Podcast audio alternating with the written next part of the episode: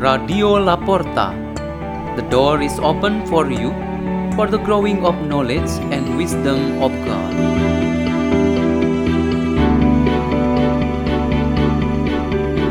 Delivered by Maria Olivia from Christus Raja Paris, Diocese of Surabaya, Indonesia.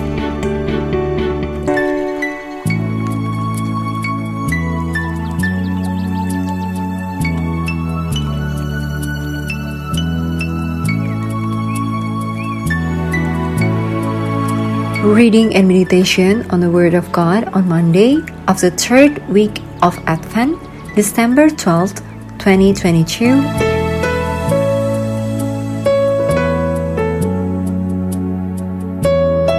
The reading is taken from the book of Numbers. When Balaam raised his eyes and saw Israel encamped tribe by tribe, the Spirit of God came upon him, and he gave voice to his oracle. The utterance of Balaam, son of Beor, the utterance of the man whose eye is true, the utterance of one who hears what God says and knows what the Most High knows, of one who sees what the Almighty sees, enraptured and with eyes unveiled. How goodly are your tents, O Jacob, your encampments, O Israel! They are like gardens beside a stream, like the cedars planted by the Lord. His wells shall yield free flowing waters. He shall have the sea within reach. His king shall rise higher, and his royalty shall be exalted. Then Balaam gave voice to his oracle.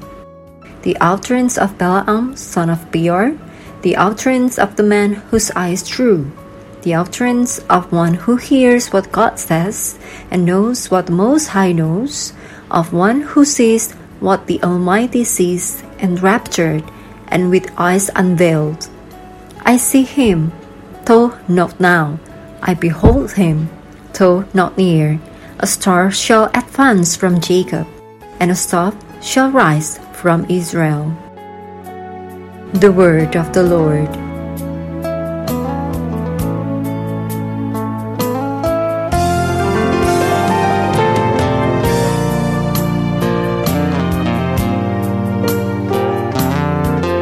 Our meditation today has the theme Do Not Doubt.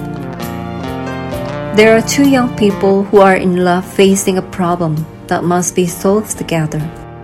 That problem is doubt. The young man is known as a hard worker person, responsible and willing to sacrifice. But his main weakness is his excessive doubt. His girlfriend is so concerned with that. Lots of decisions made just because he is forced and always under pressure. For if no pressure put on him, there will be only confusion and uncertainty. But the love that grows between them is still well maintained. The girl tries her best to give balance, at least to encourage and remind that her boyfriend's doubt will disappear gradually, and finally his self confidence grows as expected. The two of them do not even think that their love relationship will find its difficult moment and soon to fail simply because of doubt from just one partner. Doubt is indeed more inclined to uncertainty in making decisions and taking action, but its human weakness can be overcome because they both realized it and work together to this direction. What is most feared will happen is if a doctor turns into an unbeliever. An unbelieving is an attitude that has crossed the line of confusion or uncertainty and becomes an attitude that is fixed negatively or contrary to belief. Unbelievers have reached the perfect level of doubtfulness, confusion, suspicion, and prejudice. Not believing means disagreeing, rejecting, and resisting. The incident with Balaam, a Baal prophet of the Canaanites, who was asked by the rulers of the local tribes to prophesy against the Israelites who were entering Canaan is an example against doubt. The Spirit of the Lord came to dispel that doubt, and Balaam was in favor of the Israelites, God's chosen people. Balaam's beliefs contrasted sharply with the Canaanites and their rulers. The Jewish leaders, known for their great doubt, questioning the power used by Jesus Christ.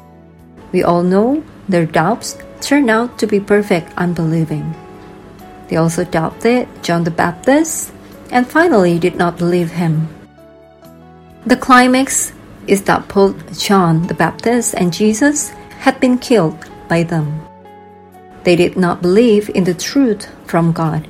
In this Advent season, there should be no doubt in us about the coming of the Lord to ourselves and our families. Let us pray. In the name of the Father, and of the Son, and of the Holy Spirit. Amen.